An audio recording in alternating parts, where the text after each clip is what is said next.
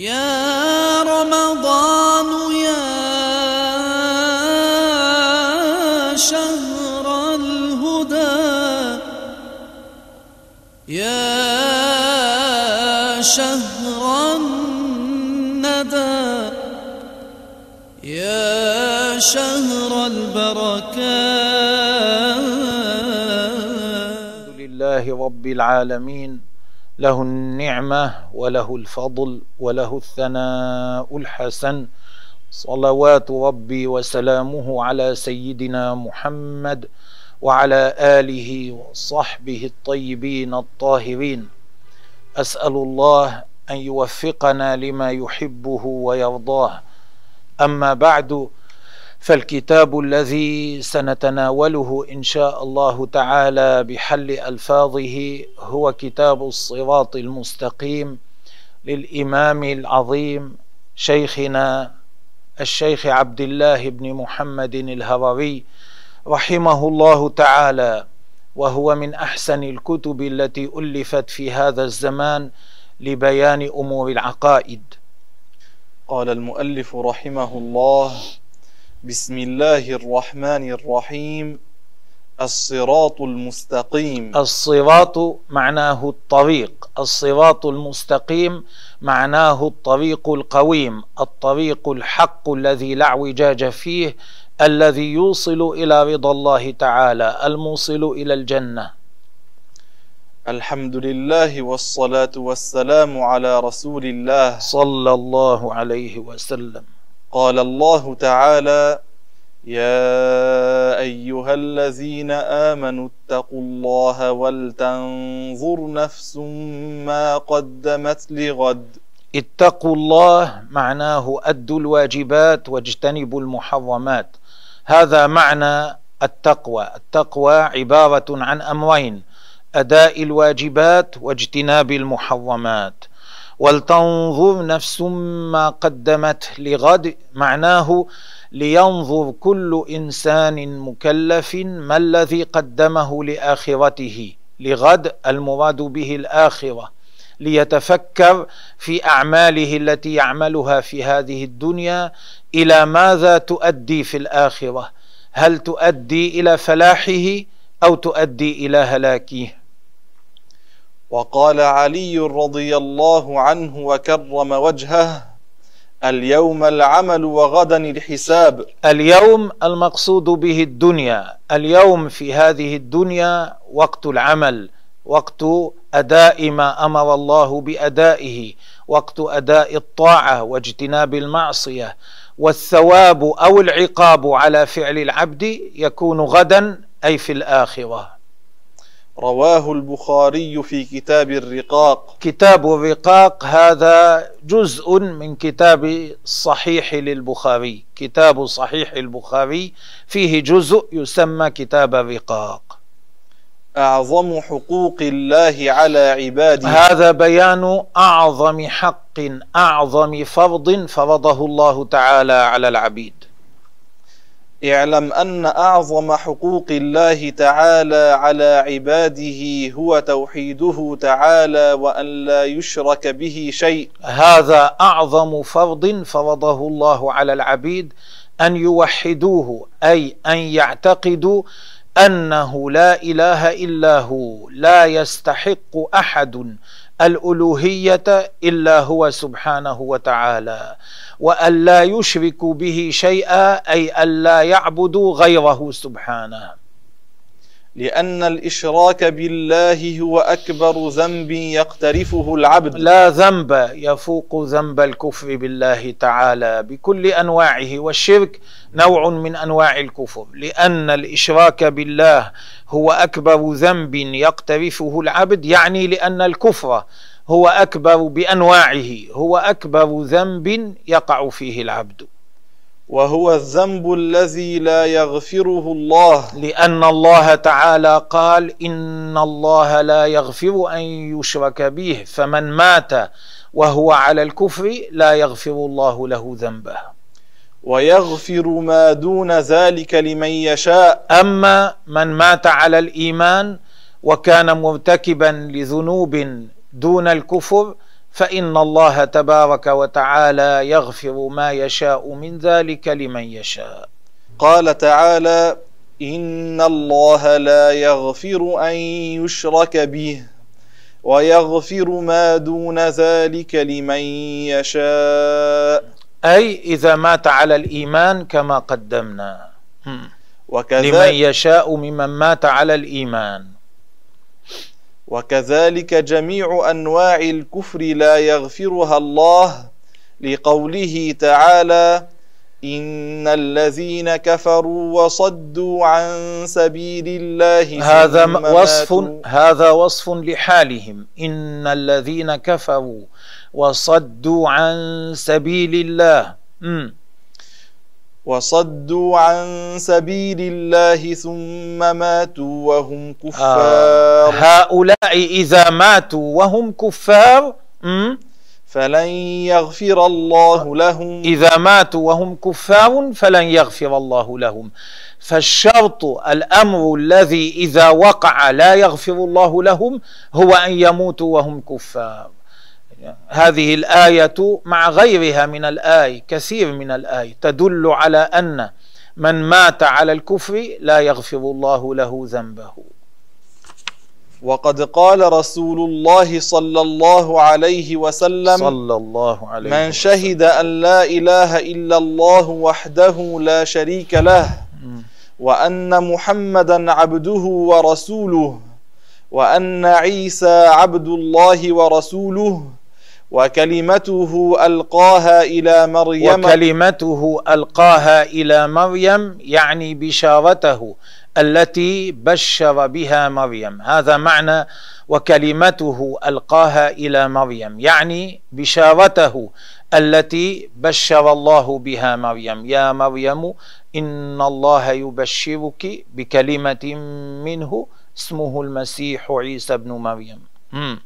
وكلمته ألقاها إلى مريم وروح منه. نعم وروح منه أي روح صادرة منه تبارك وتعالى خلقا.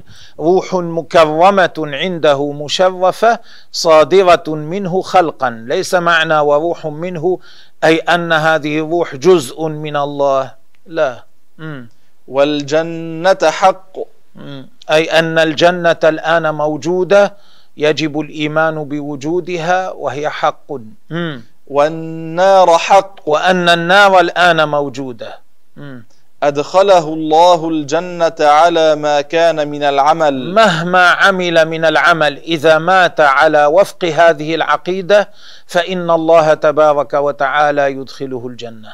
وهنا يحتمل أن يكون معنى الحديث أدخله الله الجنة على ما كان من العمل أي لا بد أن يدخله الله الجنة ولو عذب قبل ذلك بالنار لو مات مرتكبا للكبائر وعذب قبل ذلك بالنار.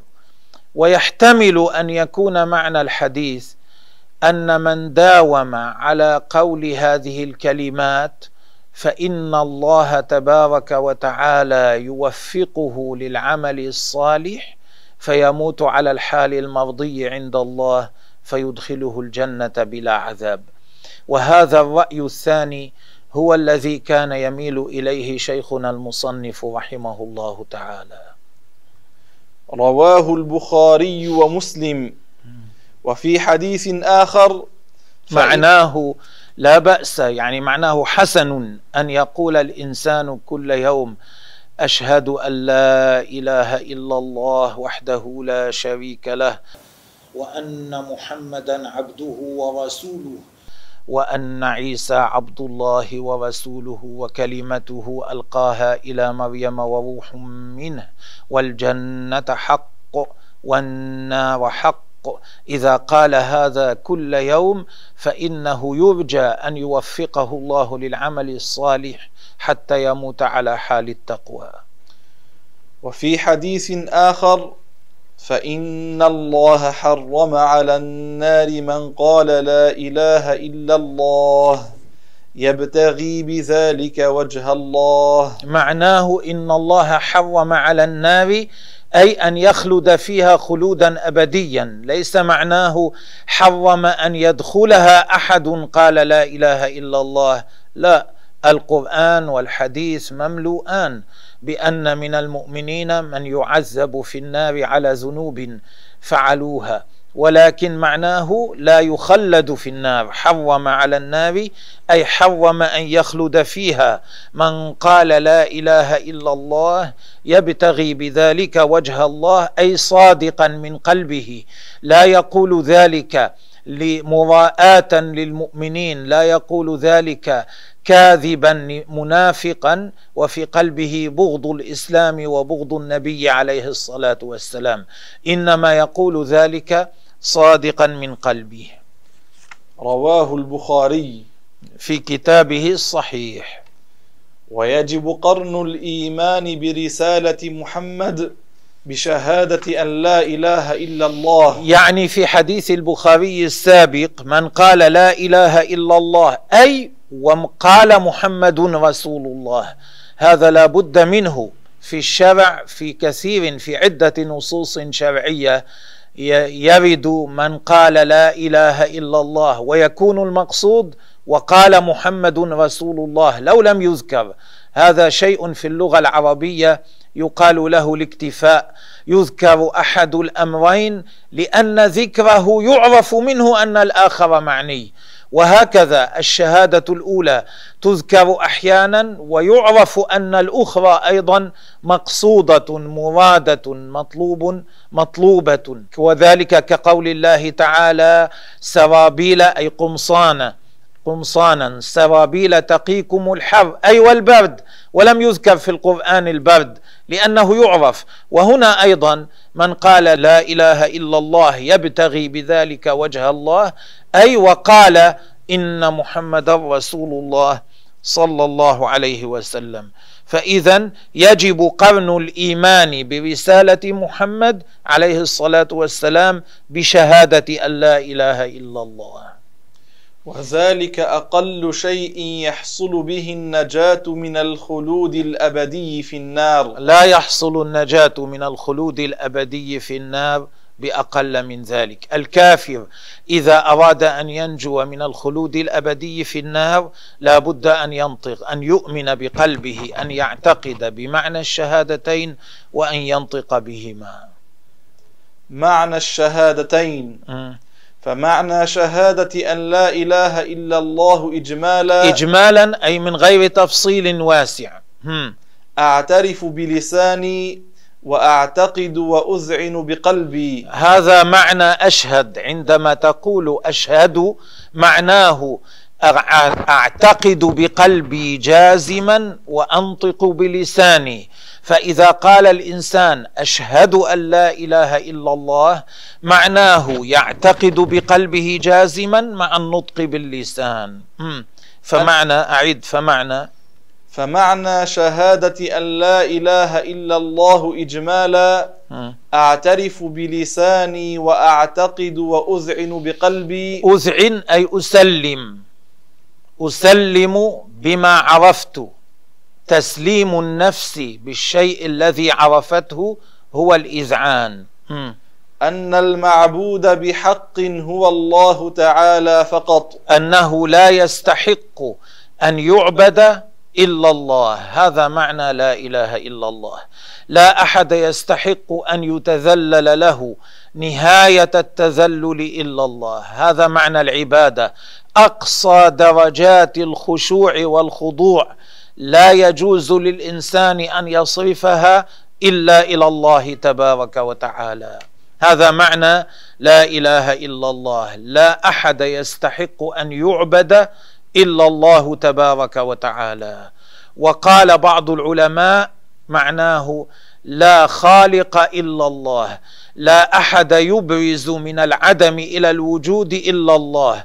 وإذا كان لا أحد يبرز من العدم إلى الوجود إلا الله اذا لا يستحق أن يعبد أحد إلا الله لأن الذي يستحق العبادة هو الخالق. أما المخلوق فلا يستحق العبادة.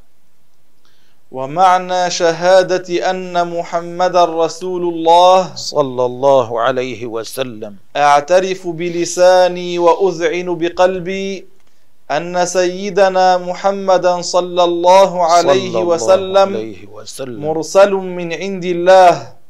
إلى كافة العالمين من إنس وجن. الله تعالى أرسل محمدا صلى الله عليه وسلم إلى العالمين والمراد بالعالمين هنا الإنس والجن. ليس مرسلا إلى العرب فقط ليس مرسلا إلى الترك فقط. ليس مرسلا إلى الفرس فقط. ليس مرسلا إلى الحمر فقط. ليس مرسلا إلى الصوف فقط. ليس مرسلا إلى السود فقط. ليس مرسلا إلى البيض فقط. إنما هو مرسل إلى كل البشر وإلى كل الجن. صلوات ربي وسلامه عليه. صادق في كل ما يبلغه عن الله تعالى ليؤمنوا بشريعته ويتبعوه. أرسله الله تبارك وتعالى إلى الإنس والجن حتى يؤمنوا بما جاء به ويتبعوه لأنه عليه الصلاة والسلام صادق في كل ما يبلغهم عن الله كل ما يقول لهم. قال الله تعالى كذا أمر الله بكذا نهى عن كذا فهو صادق فيه. والمراد بالشهادتين نفي الألوهية عما سوى الله وإثباتها لله تعالى مع الإقرار برسالة سيدنا محمد صلى الله عليه وسلم. عندما تقول لا إله إلا الله معناه نفيت الإلهية عن كل ما سوى الله واثبتت الإلهية لله وحده واثبتت أقررت أن محمدا هو عبد الله ورسوله. هذا هو المقصود من الشهادتين وهذا هو معنى الشهادتين الأصلي. الذي من لم يحصله لا يكون مسلما. قال الله تعالى ومن لم يؤمن بالله ورسوله فإنا أعتدنا للكافرين سعيرا. أي من لم يجمع في الإيمان بين الإيمان بالله والإيمان برسوله محمد صلى الله عليه وسلم فإنه يكون كافرا يستحق عذاب النار. فهذه الآية صريحة في تكفير من لم يؤمن بمحمد صلى الله صلى عليه الله وسلم. عليه وسلم. يعني هذه الآية صريحة في بيان أن من لم يؤمن برسول الله صلى الله عليه وسلم لا يكون مسلما ولا يكون في الآخرة ناجيا. لو قال أنا مؤمن بالله فمن نازع في هذا الموضوع من عارض من قال كيف هذا لماذا هذا ليس هكذا هذا معنى من نازع. فمن نازع في هذا الموضوع يكون قد عاند القرآن ومن عاند القرآن كفر. إيه، من نازع في هذا الموضوع لا يكون مؤمنا بالقرآن. الله تعالى يقول في القرآن من لم يؤمن بالله ولم, يؤمن بالرسول فهو خالد في نار جهنم. الذي يقول كيف هذا؟ لماذا ليس هكذا؟ لا ينبغي هذا. لا يكون مؤمنا بكتاب الله ومن لم يؤمن بكتاب الله فهو مكذب لله ولرسوله. لا يكون مسلما. وأجمع الفقهاء الإسلاميون على تكفير من دان بغير الإسلام. من دان أي من اتخذ دينا غير الإسلام. دان بكذا أي اتخذه دينا. أجمع فقهاء الإسلام بلا خلاف أن من اتخذ غير الإسلام دينا فهو عند الله ليس بمؤمن. وعلى تكفير من لم يكفره. وأن من لم يحكم عليه بالكفر هو أيضا ليس بمؤمن. أو شك أو توقف. أو شك الذي لا يعتقد بالإسلام هل يكون مسلما أو لا يكون مسلما؟ هل يكون مؤمنا أو لا يكون مؤمنا؟ هل يكون ناجيا في الآخرة أو لا يكون ناجيا في الآخرة؟ الذي يشك في ذلك هو أيضا كافر. أو توقف كأن يقول أنا لا أقول إنه كافر أو غير كافر. آه، توقف معناه لا يعطي حكما. يقول أنا لا أقول كافر ولا أقول غير كافر. كل هؤلاء بالإجماع ليسوا مؤمنين لأنهم ما صدقوا بما جاء في القرآن. الله أخبرنا في القرآن. أن من كان على هذه العقيدة من لم يؤمن بالله أو لم يؤمن بالرسول فإنه لا يكون عند الله مؤمنا ويكون في الآخرة من أهل النار. إذا لم يصدق ما جاء في القرآن لا يكون مؤمنا بالله ولا مؤمنا بالرسول صلى الله عليه وسلم. واعلم باستيقان أنه لا يصح الإيمان والإسلام ولا تقبل الأعمال الصالحة بدون الشهادتين. بلفظ أشهد أن لا إله إلا الله وأشهد أن محمدا رسول الله أو ما في معناهما ولو بغير اللغة العربية. ومعنى ذلك أن الإنسان لا يصير مؤمنا مسلما حتى يجمع بين أمرين. الكافر لا يصير مؤمنا مسلما حتى يجمع بين أمرين. الاعتقاد بالقلب بأنه لا إله إلا الله وأن محمدا رسول الله والنطق بذلك بلسانه. ولا يشترط أن يقول أشهد أن لا إله إلا الله وأشهد أن محمدا رسول الله بهذه الحروف. بل لو قال ما يعطي معنى الشهادتين. مثلا أشهد أن لا إله إلا الرحمن أو لا إله إلا الرحمن. أبو القاسم نبي الله محمد نبي الله. ما شابه ذلك. بل لو قال ما يعطي معناهما بغير اللغة العربية يكفي لأنه يكون قد جمع بين الأمرين بين الاعتقاد بالقلب والإقرار باللسان. إذا فعل ذلك صار مسلما صار مؤمنا. بعد ذلك الأعمال الصالحة التي يعملها ترفعه عند الله. بعد ذلك الأعمال الصالحة التي يعملها ينال عليها الثواب من الله إذا عملها بالنية الخالصة. أما من غير الإيمان والإسلام فمهما عمل الإنسان من الأعمال الصالحة فإنه ليس له عند الله ذرة من الثواب. في الدنيا يطعمه الله ويسقيه. أما في الآخرة فليس له إلا النار. ويكفي لصحة الإسلام النطق مرة في العمر. الكافر يكفي أن ينطق مرة بالشهادتين حتى يصير مسلما أي مع التصديق بالقلب. ويبقى وجوبها في كل صلاة لصحة الصلاة. لكن يبقى عليه أن ينطق بها في كل صلاة لأجل صحة الصلاة كما هو معروف. هذا في من كان على غير الإسلام ثم أراد الدخول في الإسلام. كما لاحظتم كلامنا كان على من كان كافرا ثم أراد أن يسلم. وأما من نشأ على الإسلام أي ولد من أب مسلم ولد من والد مسلم من كان أبوه مسلما أو كانت أمه مسلمة أو كان جده مسلما أو كانت جدته مسلمة وكان يعتقد الشهادتين. هذا الذي يكون له والد مسلم يحكم له بالإسلام.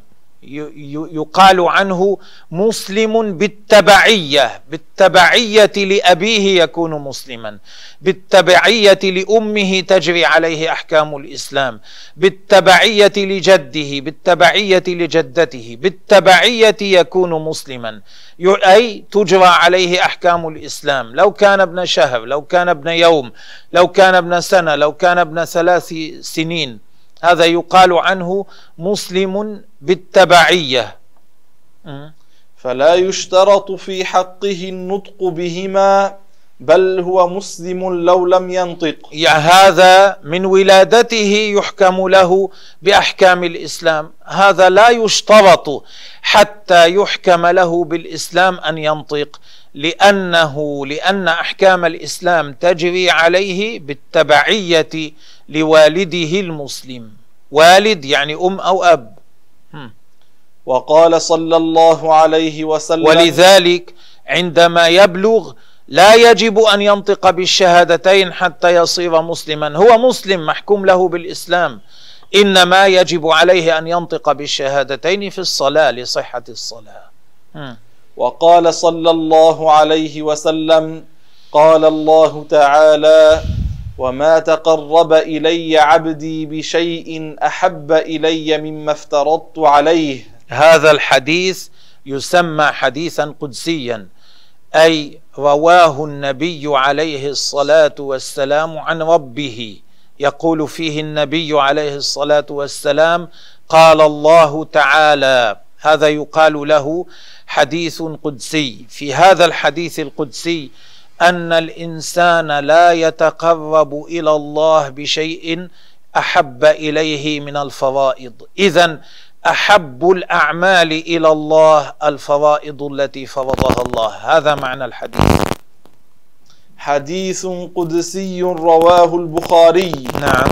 وأفضل وأول فرض هو الإيمان بالله ورسوله. إذا كانت الفرائض أحب الأعمال إلى الله أفضلها وأولها وأولاها وأعلاها هو الإيمان بالله ورسوله. واعتقاد أن لا إله إلا الله فقط لا يكفي. ما لم يقرن باعتقاد أن محمدا رسول الله. وهذا سبق أن بيناه. لا يكفي أن يعتقد أنه لا إله إلا الله. لا بد أن يقرن ذلك باعتقاد أن محمدا رسول الله صلى الله عليه وسلم.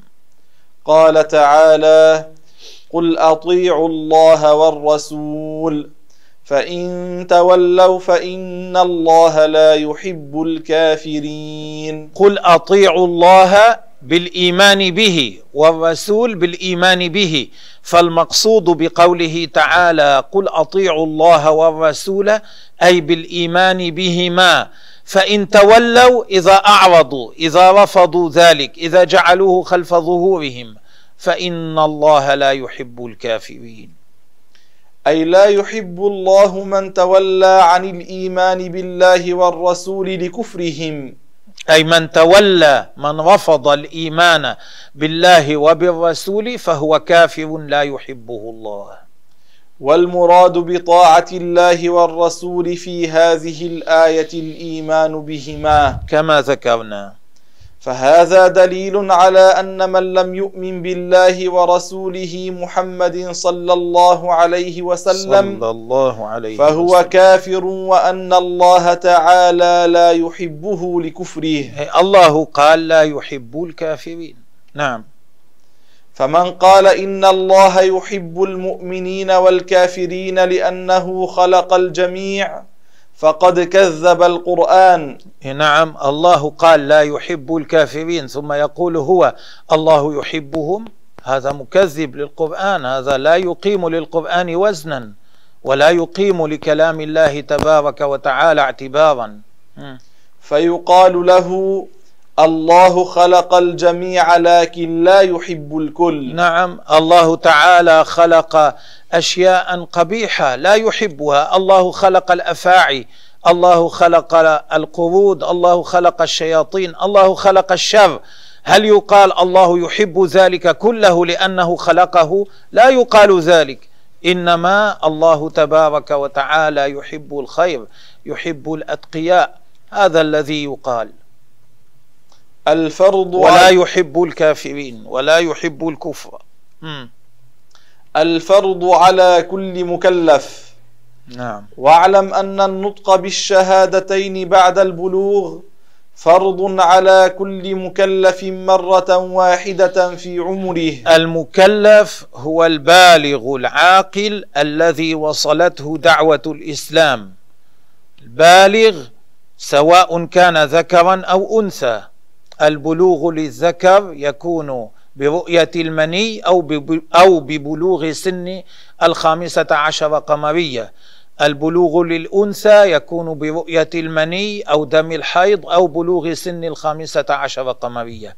فإذا المكلف هو البالغ إذا حصل مع الذكر أو الأنثى أي واحد من هذه يكون بلغ. فإذا المكلف هو البالغ العاقل الذي هو غير مجنون. الذي بلغته دعوة الإسلام يعني سمع أصل الدعوة فهم أنه لا إله إلا الله وأن الله أرسل إنسانا اسمه محمد. قال يا ناس أنا رسول الله إليكم. إذا بلغه هذا المعنى فقد بلغته أصل فقد بلغه أصل الدعوة. الذي الذي اجتمعت فيه هذه الخصال الثلاثة يكون مكلفا. هذا المكلف إن لم يكن مسلما يجب عليه الدخول في الإسلام فورا وإن كان مسلما يجب عليه الثبوت فيه. واعلم أن النطق بالشهادتين بعد البلوغ فرض على كل مكلف مرة واحدة في عمره بنية الفرض عند المالكية. إيه، مرة واحدة إن كان كافرا يقولها للدخول في الإسلام إن كان مسلما لا بد أن يقولها بعد البلوغ بنية الفرض عند المالكية لأن المالكية لا يعتقدون التحيات واجبة مفروضة في الصلاة إنما يقولون هي سنة. عندهم لو رفع الإنسان رأسه من السجود الأخير في الصلاة فجلس وقال السلام عليكم صحت صلاته. فلذلك يقولون يجب أن ينطق بالشهادتين ولو مرة واحدة بعد البلوغ في عمره. لأنهم لا يوجبون التحيات في الصلاة إنما هم يعتبرونها سنة. نعم.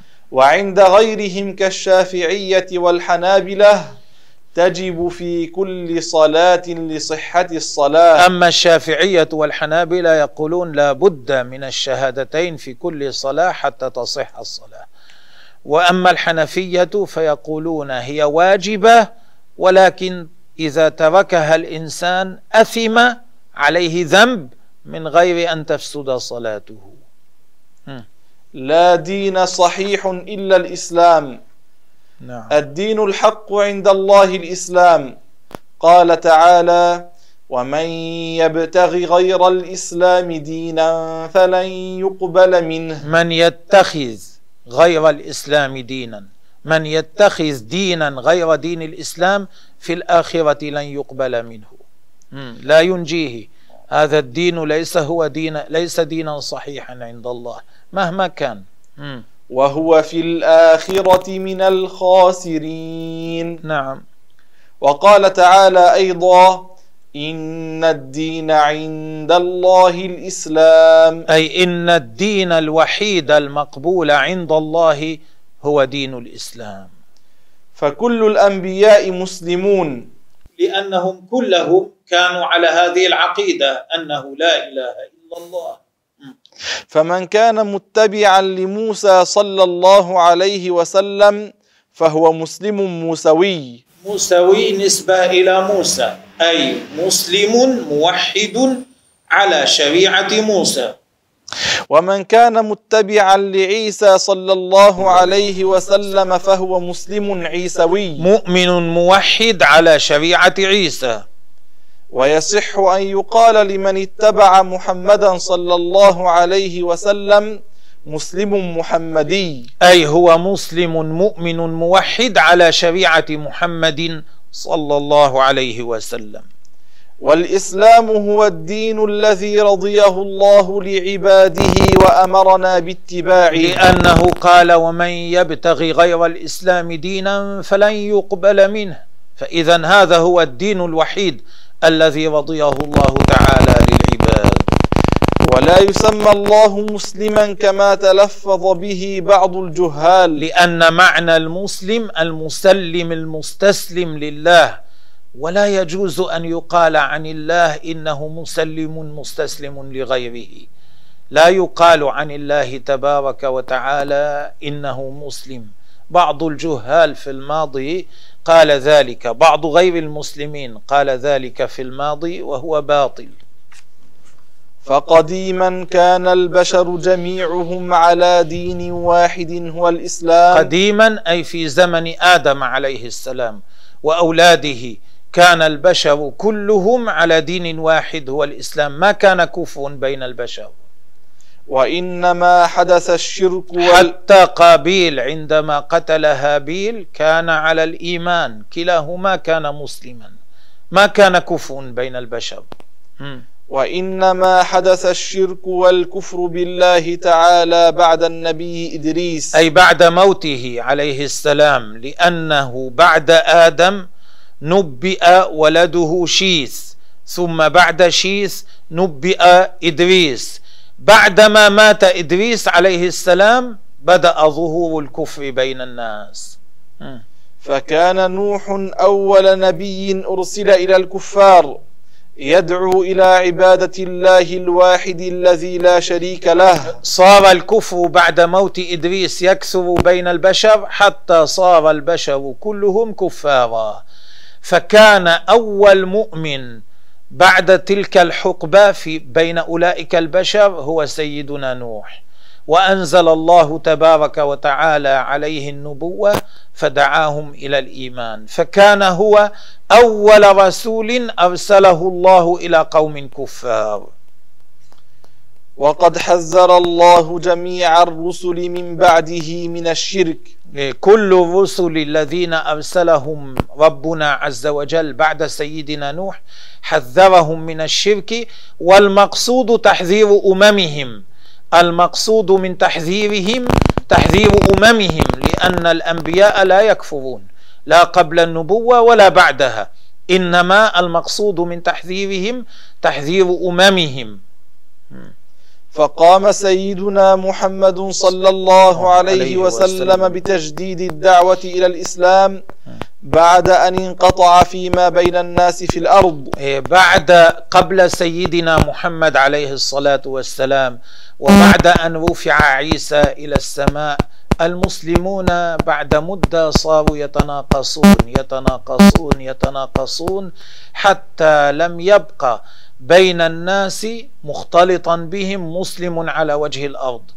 آخر واحد كان على التوحيد مات قبل بعثة النبي عليه الصلاة والسلام بخمس سنين. فكان نبينا عليه الصلاة والسلام هو الموحد الوحيد على وجه الأرض. ثم نزل عليه الوحي فقام بالدعوة إلى الإسلام. قام بتجديد الدعوة إلى الإسلام لأنها دعوة كل الأنبياء قبله لكن هو عليه الصلاة والسلام قام بتجديدها بدعوة الناس إليها من جديد. مؤيدا بالمعجزات الدالة على نبوته. الله تعالى أيده كما أيد كل الأنبياء بالمعجزات التي تدل على صدقه لأن لأن النبي لا بد من معجزة تدل على صدقه وإلا كيف يفرق الناس بين الصادق والكذاب؟ بين مدعي النبوة بغير حق وبين مدعيها بحق. لا بد من معجزة يفرق الناس بها. فدخل البعض في الإسلام وجحد بنبوته أهل الضلال الذين منهم من كان مشركا قبله دخل البعض في الإسلام آمن به قسم من الناس وقسم كفر كحال الأنبياء الذين قبله من بعد نوح عليه السلام. من نوح فمن بعده. كفرقة من اليهود عبدت عزيرا. فأشركوا بذلك فز... بعبادتهم لعزير. م. فازدادوا كفرا إلى كفرهم. نعم اليهود أولا ما كانوا مشركين لكن كفروا بإنكارهم نبوة عيسى عليه السلام. ثم حدث فيهم فرقة في وقت من الأوقات حدث فيهم فرقة عبدت عزيرا لأن عزيرا ألقى التوراة من حفظه عن ظهر قلب بعدما ضاعت نسخها. فقالوا كيف حفظ هذا؟ كيف ألقاها من حفظه؟ لا بد أنه ابن الله حتى فعل ذلك. فعبدوا عزيرا مع الله تعالى فأشركوا. فرقة منهم قسم منهم. وآمن به بعض أهل الكتاب آمن به أي آمن بنبينا عليه الصلاة والسلام. أعد وآمن. وآمن به بعض أهل الكتاب اليهود والنصارى. كعبد الله بن سلام عالم اليهود بالمدينة. كان أشهر علماء اليهود بالمدينة. سأل النبي عليه الصلاة والسلام عن أمور لا يعرفها إلا نبي فأجابه عليه الصلاة والسلام. فصدق وآمن وصار من خيار عباد الله وبشره رسول الله صلى الله عليه وسلم بالجنة. وأصحمة النجاشي ملك الحبشة وكان نصرانيا ثم اتبع الرسول اتباعا كاملا ومات في حياة رسول الله صلى الله عليه وسلم. وصلى عليه الرسول صلاة الغائب يوم مات. أوحى الله إليه بموته. النجاشي ملك الحبشة لما ذهب بعض الصحابة هاجروا إلى الحبشة سمع منهم الإسلام فآمن واستقام ومات على الصلاح. ولما مات النبي عليه الصلاة والسلام أخبر الصحابة في اليوم نفسه قال اليوم مات أخوكم النجاشي وهو رجل صالح. فوصفه رسول الله صلى الله عليه وسلم بالصلاح ثم صلى عليه والمسلمون معه صلاة الغائب. فهذا النجاشي ممن آمن بالنبي عليه الصلاة والسلام وكان قبل على النصرانية. ثم كان يرى على قبره في الليالي نور. وهذا دليل أنه صار مسلما كاملا وليا من أولياء الله رضي الله عنه. وقبره إلى الآن معروف. مسلم الحبشة يزورونه وبقربه قبور بعض الصحابة الذين دفنوا هناك ماتوا في الحبشة عندما هاجروا إليها ودفنوا هناك. نعم. والمبدأ الإسلامي الجامع لجميع أهل الإسلام عبادة الله وحده. الذي يجمع أمم الأنبياء كلها كل أمم الأنبياء كل المسلمين. المبدأ الذي يجمعهم كلهم هو عبادة الله وحده. كلهم يقولون لا إله إلا الله. لكن أمة موسى يقولون موسى نبي الله أمة عيسى يقولون عيسى نبي الله. من اتبع نوحا يقول نوح نبي الله. ويجمعهم كلهم مبدأ واحد ما شذ عنه أحد منهم وهو اعتقادهم أنه لا إله إلا الله وحده. وسبحان الله والحمد لله رب العالمين. والله تبارك وتعالى أعلم وأحكم.